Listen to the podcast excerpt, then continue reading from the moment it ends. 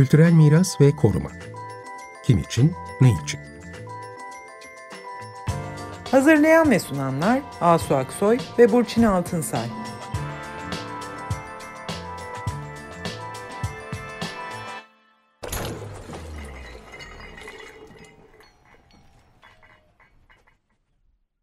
İyi akşamlar, ben Asu Aksoy.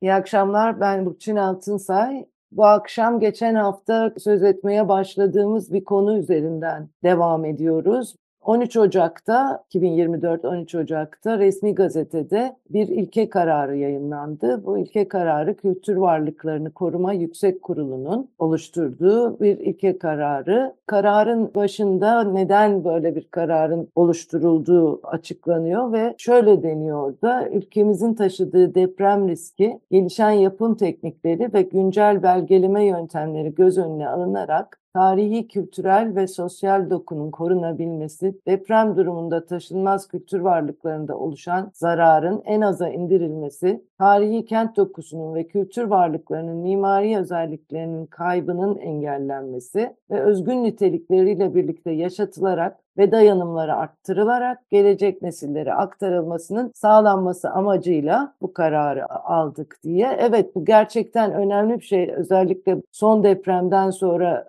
yaşananları da düşündüğümüz zaman kültür varlıklarının, tarihi yapıların güçlendirilmesi, deprem risklerine karşı önlem alınmasına yönelik eylemleri tanımlayan bir karar bu. Bu karar Kültür Varlıklarını Koruma Yüksek Kurulu aldı dedik. Kültür Varlıklarını Koruma Yüksek Kurulu da bölge kurulları var biliyorsunuz. Onların üstünde olan ve genel ilkeleri belirleyen, yasaya gerekli olan değişik eklemeleri yapmak üzere bu ilke kararlarını üreten bir kurul veya bölge kurullarında çözülemeyen bazı sorunlar bu kurula taşınıyor ve orada çözüm üretilmeye çalışılıyor. Bu gayrimenkul eski eserler ve anıtlar yüksek kurulu olarak kurulan bütün koruma kurullarının atası olan kurulun devamı aslında ama zaman içinde Tepede. evet ilk e, kurulan kurumun devamı fakat değişiklikler yapılmış bunda. Şu anda bu kurulda Kültür Bakanlığı müsteşarı denmiş. Fakat artık müsteşarlık makamı yok gibi. Onun yerine bakan yardımcıları var. Yine Kültür Bakanlığı, Kültür Varlıkları ve Müzeler Genel Müdürlüğü var bu kurulda. Vakıflar Genel Müdürü var. Çevre ve Şehircilik Bakanlığı Mekansal Planlama Genel Müdürü var. Yatırım ve İşletmeler Genel Müdürü ve yardımcısı var kurulda. Tarım ve Orman Bakanlığı Doğa Koruma ve Milli Parklar Genel Müdürü var. Enerji ve Tabi Kaynaklar Bakanlığı Maden ve Petrol İşleri Genel Müdürü var. Ve bunların yanı sıra da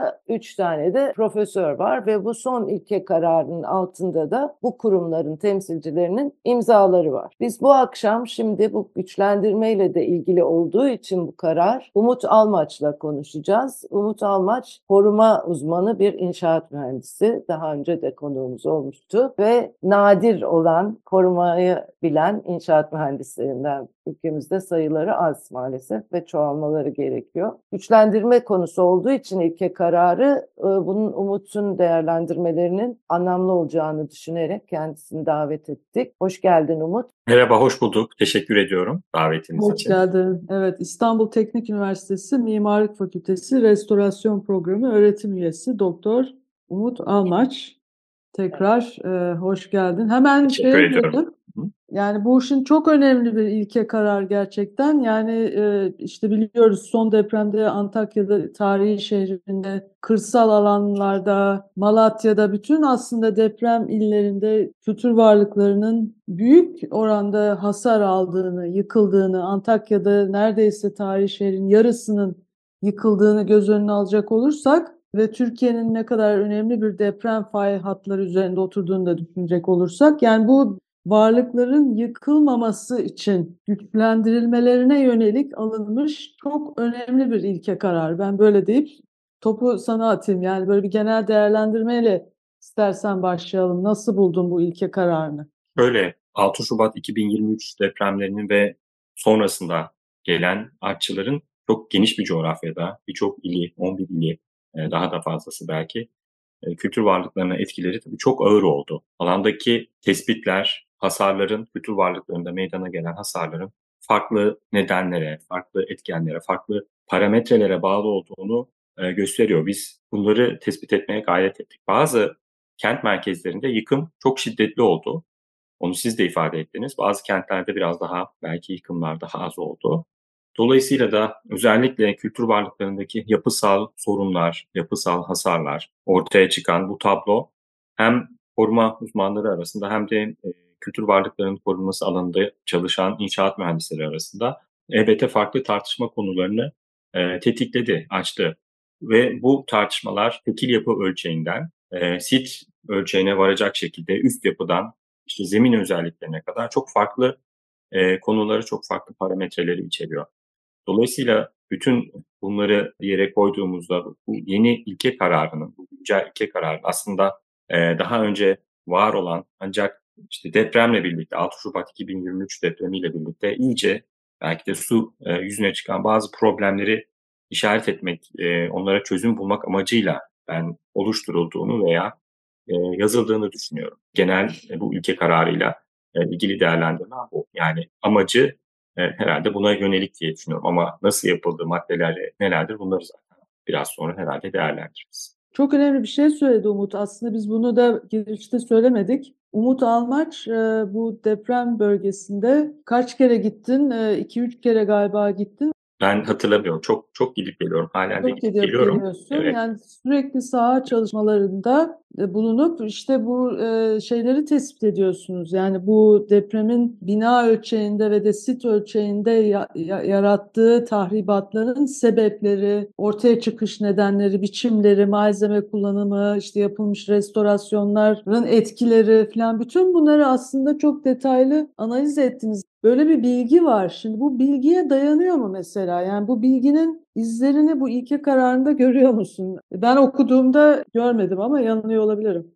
Evet, haklısınız. Yani deprem bölgesine gidiyoruz, geliyoruz. Farklı meslektaşlarım da gidiyorlar, tespitlerde bulunuyorlar. Yani bundan sonrası için bir yol haritası, yani düzgün bir yol haritasının çıkarılabilmesi için, bundan sonra biz nasıl davranmalıyız, nasıl yaklaşmalıyız tür varlıklarına? Bu konuda doğru bir yaklaşımın, doğru kararların, müdahale biçimlerinin verilebilmesi için bir kere mevcut durumun iyi değerlendirilmesi lazım. Evet depremden sonra yaklaşık bir sene geçti ama bir sene bile bana sorarsanız kısa bir süre. Yani bizim çok daha uzun sürelerle alanda bulunup buradaki hasarları çok iyi analiz etmemiz gerekiyor. Siz de ifade ettiniz. Belki 2-3 sene, belki 5 sene sürecek değerlendirmelerden bahsediyorum. Dolayısıyla böyle hemen birkaç günde, birkaç haftada, birkaç ayda yapılabilecek bir analiz veya değerlendirme değil bu. Mümkün mertebe eğer verileri toplayabilirsek bu veriler ne kadar zengin ve çok ve farklı alanlardan olabilirse o zaman hasarları da daha doğru değerlendirme yönünde adımlar atmış oluruz. Dolayısıyla aslında önerilerin bir kere durumun doğru tespit edilmesi ve oradan çıkan işte verilerle şekillenmesi gerekiyor. Yani ilke kararları da aslında hani dedik ya problemlere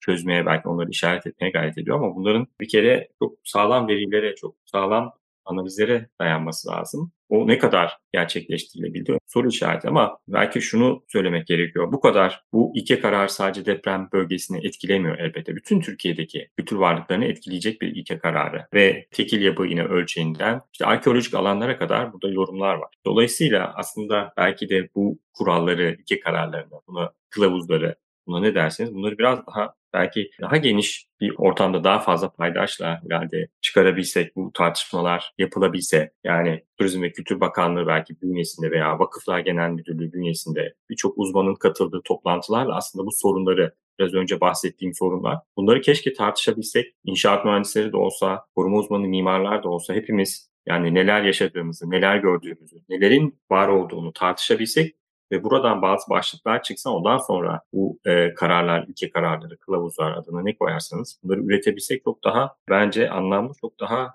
etkili metinler ve kararlar, müdahale ettikleri üretebiliriz diye düşünüyorum. Evet değil mi Umut? Biz bunu aslında resmi gazetede yayınlandığı zaman duyduk diyelim. Yani Evet. işin içinde olan insanlar çünkü Umut da Asun da söylediği gibi danışmanlık da yapıyor devlet kurumlarına deprem bölgesinde. Ama biz birdenbire bu yayınlandığı zaman e, görüyoruz ne olduğunu. Biraz da bu ilke kararının maddeleri üzerinden Umut senin yorumlarını Hı. alalım Elbette. belgelemeyi hızlandırmaya yönelik sanırım bir de hani Evet. eski usul röleve çizimlerinin yanı sıra işte yeni teknolojilerle, lazer taramalarla ki bu da evet bu süreci hızlandırmanın böyle durumlarda bir önemi var gerçekten. Çünkü acil e, durumlar var. Deprem olmamış yerler için de acil. İkinci şey de e, korunması gerekli taşınmaz kültür varlıklarının yıkılmadan korunmasının esas olduğuna diye bir madde konmuş. Fakat arkasından gelenlerde hani hangi hallerde yıkılabileceğini de anlatan maddeler var. Buradan Evet. e, devam edebilir miyiz? Mesela korunması gerekli taşınmaz kültür varlıklarının esaslı onarımlarında zemin etüdü raporu hazırlanması şartıyla diye devam eden Evet. bir madde var. Buradan e, devam edebilir misin Tamam. Tabii ki. Yani şimdi bu ilke kararını işte açtık hepimiz maddelere bakıyoruz. Ama yani şunun altını çizmek gerekiyor. Bu metin çok gereksiz veya çöp bir metin demiyoruz. Bu metin hazırlanması gereken aslında bir metin. Ama Evet. mevcut haliyle yeterli midir, yetersiz midir? Aslında onu tartışıyoruz. Dolayısıyla aslında bu metinin hazırlanmasında belki emeği geçen insanlar var. Onları kesinlikle küçümsemiyoruz. Küçümsemiyorum. Burada doğru noktalar da var. Yani Evet, evet, evet. bu ilke kararları arasında. Dolayısıyla bu metin belki biraz daha kapsayıcı, belki daha farklı müdahaleleri de kapsayacak şekilde çıkartılabilirdi demek istiyoruz. Şimdi siz de ifade ettiniz belgeleme ile ilgili, belgeleme tekniği veya yöntemiyle ilgili bir ilke kararı var ama zaten hali hazırda lazer tarayıcı mesela 3D lazer tarayıcılar kullanılıyor. Zaten Türkiye'de senelerdir yaklaşık 10-15 senedir zaten 3D lazer tarayıcılarla verileri elde ediyoruz ve ölçekli görev çizimlerini biz bu teknikleri kullanarak zaten hazırlıyoruz. Sadece üniversitelerde değil. Ee, Özel ofisler de zaten bu tekniklerle hazırlıyorlar. Bunda herhangi bir problem yok bu ilke kararında bence. Problem olmadığını düşünüyorum ki. İlke kararında da zaten röleve çizimlerinin demiş. Yani röleve getirmeyin bize sadece 3D lazer tarama görüntüleri getirin demiyor bu iki karar. Doğru bir karar bence. Röle ve çizimlerin hazırlanmasında diyor. Geleneksel yöntemlerle beraber işte güncel teknolojileri de kullanabilirsiniz. Yani aslında şunu demek istiyorum. Böyle bir mesela madde zaten hali hazırda meslek pratiğinde var. Bunu yani tekrar buraya yazmak ne kadar e, faydalı, ne kadar Evet, faydasız. röle ve e, ölçüm sürecini hızlandıran Evet. bir şey. Ama tabii bunun altlık olarak kullanılıp örneğin e, bu tür güçlendirme projelerinde çok önemli olan bir statik röleve meselesi var. Hani ona Evet. da değinilse iyi olurdu. Sonra ikinci madde siz de ifade ettiniz. Diyor ki korunması gerekli taşınmaz kültür varlıklarının yıkılmadan korunmasının esas olduğu. Evet zaten bu yani temel bir ilke. Yani bunu tekrar burada 2023 yapımı bir ilke kararını koymak bilmiyorum.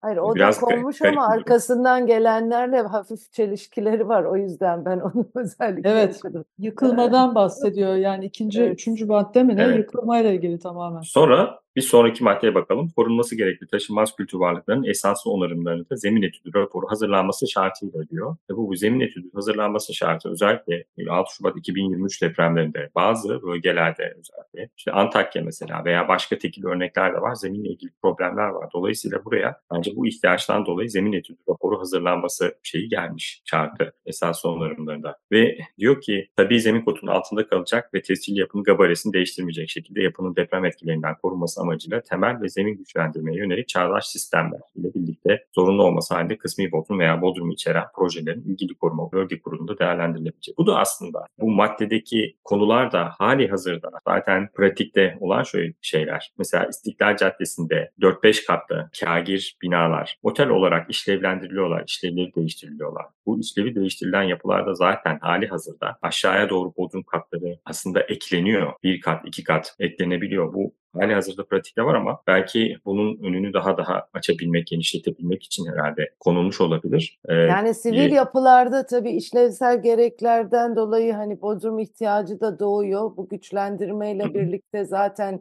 zemine iniliyor. Fakat tabii burada şöyle bir şey var. Bütün kültür varlıkları deyince Evet, daha o zaman bir soru işareti doğuyor. yapılara da mı bodrum yapabiliriz? Yani burada şöyle bir sakınca geliyor. var. Evet haklısınız kesinlikle. İnsan böyle bir şüphe duyuyor. Neden? Çünkü bu bütün Türkiye'ye de etkili Evet. olacak bir ilke karar ve örneğin İstanbul, Tarihi Yarımada'yı hayal edelim veya Antakya. Yani Evet. zemin, doğa zeminin hemen altında arkeolojik verilerimiz var, tabakalarımız var hem de çok farklı dönemlerden, periyotlardan. Şimdi fore kazık mesela parantez içerisinde çağdaş sistemler sayılmış fore kazık. Yani kocaman silindirik şeyleri zeminin içine sokmaktan bahsediyoruz. Belki 20 metre, belki 30 metre. Sismik izolatör. Yani sismik izolatör evet çok faydalı. Bilimsel olarak zaten bununla ilgili hali hazırda Türkiye'de çalışan meslektaşlarımız da var. Çok faydalı bir şey ama bir kültür varlığının altına, üstelik altında arkeolojik bir katman varsa altına sokmak sismik izolatörü doğal olarak alttaki tabakalara zarar vermek anlamına geliyor. Dolayısıyla Evet. bunlar çok yani kelime burada rahat kullanılıyor ama bu uygulamalar hem zedeleyebiliyor kültür varlıklarımızı, daha görmediğimiz kültür varlıklarımızı zeminin altındaki zedeleyebilir. Sismik izolatör, radyo temel yani bunlar çok böyle hemen çok rahat yapılabilecek, uygulaması rahat olan şeyler değil ama Buraya Evet. yani arkeolojik rapor alınması şartı falan gibi şeylerin eklenmesi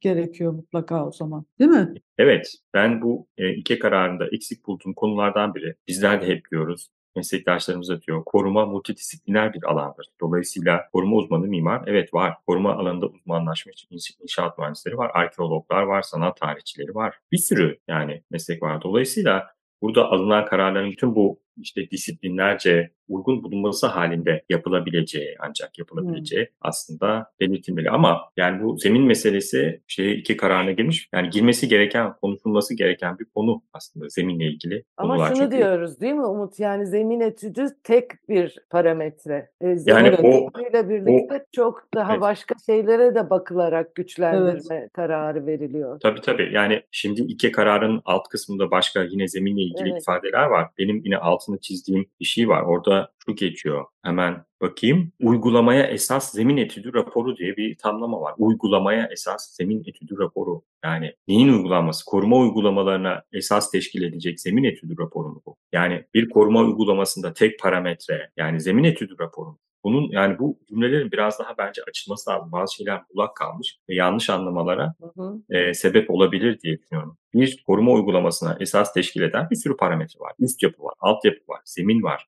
Yani yapının kendine özel durumları olabilir. İçerisinde çok önemli sanat eserleri olabilir vesaire. Dolayısıyla burada karara esas olan tek parametre zemin etüdü değildir. Yani bu Evet. metne baktığım zaman işte zemin etüdü kelimesi birkaç defa geçiyor. Dolayısıyla onun kullanımına, bu tamlamanın kullanılmasına dikkat edilmesi gerekiyor diye düşünüyorum. Ve işte bu multidisipliner, sadece zemin etüdünü değerlendirecek zemin mekaniği uzmanına mı biz e, bütün kararları yaslayacağız?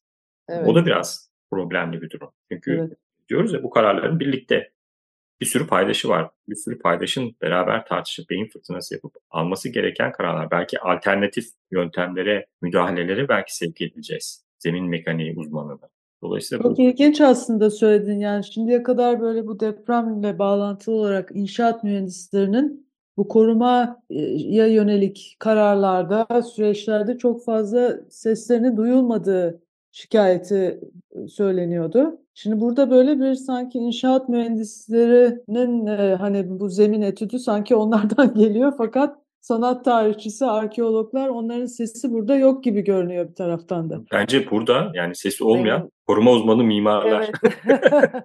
Zemin etüdünü de inşaat mühendisleri yapmıyor zaten Ansu. Yani o da Yani inşaat mühendisleri yapıyor. Zemin e, mekaniği aslında inşaat bölümünün altındaki ana bilim dallarından bir tane. İşte ulaştırma, zemin mekaniği, yapım yönetimi, e, malzeme, deprem yapımı. Bunlar hep farklı Ha. alanlar. Ve Evet. yani zemin mekaniğindeki uzman bir hocamızla üst yapıdaki uzman bir hocamızın uzmanlık alanları birbirinden çok farklı. Hmm. Ben mesela korumayla ilgili çalışan bir inşaat mühendisiyim ama zemin mekaniği konusunda benim uzmanlığım yok. O konuda ben pek bir şey söyleyemem. Ve zeminle ilgili veya temelle ilgili sorunlu bir yapıyla karşılaştığımda o zaman ne yapıyorum? Hemen meslektaşımı davet ediyorum zemin mekaniği konusunda uzman arkadaşımı. Yani bu hani paydaş olma, multidisipliner olma böyle bir şey. Yani hangi sorunu tespit ediyorsanız onun uzmanını bir kere o kümenin havuzun içine almanız gerekiyor. Zemin mekaniği uzmanlığı da bu kümenin içinde aslında. Koruma disiplinin içinde ve çok da zor bir alan. Yani üstteki e, yapıyı unutmadan sadece Evet. alttakine bakmakla Evet. oluyor da, diyorsun. altın altı da var Bir işte sonraki arkeoloji. maddeye geçelim. Evet. Orada da e, yıkılabileceğinden bahsediyor bazı yapıların. hmm, Orada Böyle bir madde var. Mesela ilgili kurumlar ve veya üniversitelerce korunması gerekli taşımaz kültür varlıklarının statik durumuna ilişkin iletilen raporların değerlendirilmesi sonucunda. Ben bu konuyla da ilgili bir not almışım. Yani ilgili kurumlar ve üniversitelerce. Evet üniversiteler zaman zaman rapor hazırlayabiliyorlar. Yapıdan yapıya yani çok anısal bir yapıysa bilim heyetleri oluşturulabiliyor. O şekilde e, üniversiteler dahil olabiliyor. Üniversite hocalarımız dahil olabiliyor konuya. Ama bence işte yine açılması, açıklanması gereken bir paragraf veya cümle olmuş bu. İlgili kurumlar hangileri?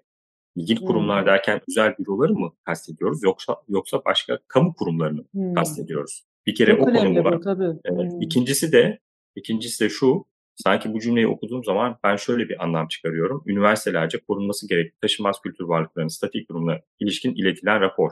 Böyle bir rapor mutlaka her yapı için olması gerekiyor mu? Gerekmiyor mu? Bu konunun açıklanması lazım. Eğer bunu zorunlu tutarsanız bütün yapılar ile ilgili üniversitelerce korunması gerekli taşınmaz kültür varlığı ile ilgili rapor hazırlanacaksa o zaman şey oluyor bence haksız bir rekabete aslında neden olmuş oluyorsunuz. Yani üniversite ile özel bürolar rekabet içinde olamazlar.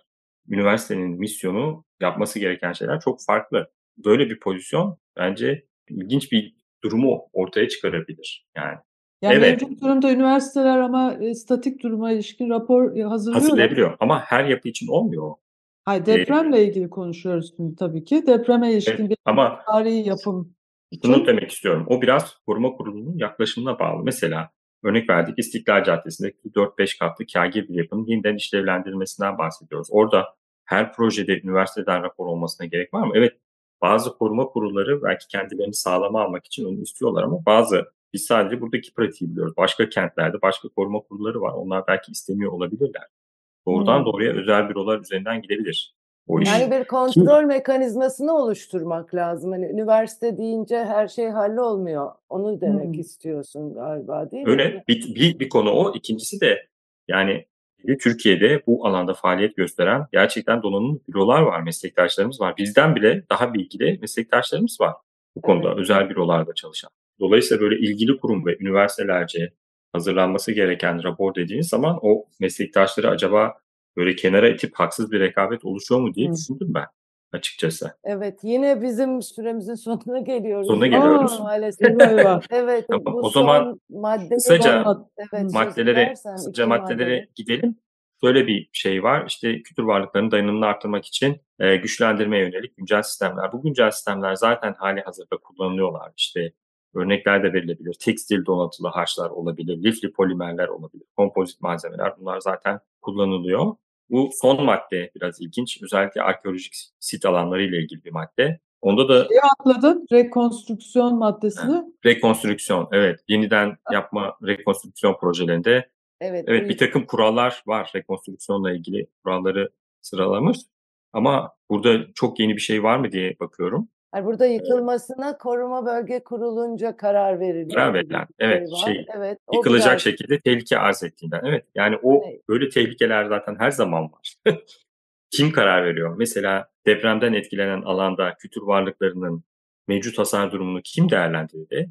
O kadar Evet. çok yapı var ki binlerce yapı. Muhtemelen Çevre ve Şehircilik Bakanlığı'ndaki meslektaşlarımız belki de deneyimi olmayan meslektaşlarımız. şu önemli, değerlendiriyor. bölge kurullarında mesela bu statik mevzulardan e, anlayacak üyelerin de bulunması gerekiyor bu Evet. kararının karşılığını verebilmek için. Yani gerekiyor, evet gerekiyor ama bir kere o donanımda önce arkadaşlarımızı, meslektaşlarımızı yetiştirmemiz gerekiyor. Ondan Evet. sonra kurula girmeleri gerekiyor. Mevcut halde yani mezun olmuş bir inşaat mühendisini o kurula sokarsanız o zaman o işe yaramaz. Hatta Tabii, belki evet. Farklı sorunlara neden olabilirsiniz. Önce yani biraz daha kültür varlıklarıyla haşır neşir bir mühendis profilini oluşturup yetiştirip meslektaşlarımızı onları kurullara ancak adapte edersek tam arzu ettiğimiz belki sonuçları alabiliriz. Bu Evet. İlke kararlarıyla ilgili benim en son Evet, dikkatinizi çekmek istediğim bu arkeolojik sit alanlarıyla ilgili olan şey karar. O da şöyle hem arkeolojik sit tanımı yani burada tamlaması var. Ondan sonra da aynı cümle içerisinde rekonstrüksiyon kelimesi var. Yani Evet, ben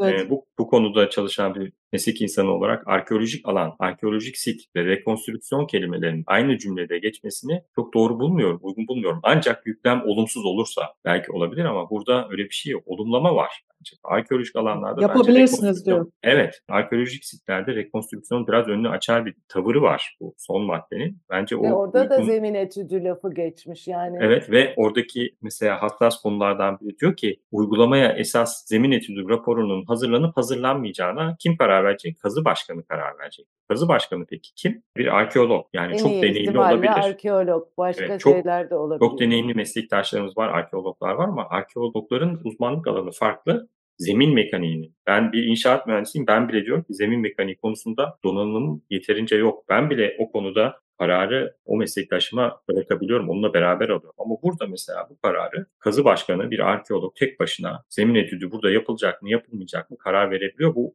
çok uygun değil. Bu Ve de Ee, zaten üstüne bir şey yapacağın zaman zemin etüdünün bir anlamı olur değil mi? Sen de söyledin ya tabii. Tabii. rekonstrüksiyon burada olmaması gerekiyor. Evet çok Zaten teşekkürler başlangıçta evet. Kesmek zorundayım gene benim kötü görevim. çok Evet. teşekkür ediyorum Yani size. umarım biraz Yararlı oldu çok. aydınlatabilmişizdir Evet. dinleyenleri bu ülke kararı konusunda. Kültür varlıklarının nasıl etkileyeceği konusunda. Burada evet eylemlere yönelik bazı ilkeler tanımlanıyor. Eylemler de tanımlanıyor ama yeterince doğru adreslere gitmiyor ve korumacılar açısından yanlış olan uygulamalara da yol açıcı bazı maddeler var. Çok teşekkürler Evet. Umut. Ben teşekkür ediyorum. Teşekkürler, İyi çalışmalar diliyorum sizlere. Hoşçakalın. İyi akşamlar.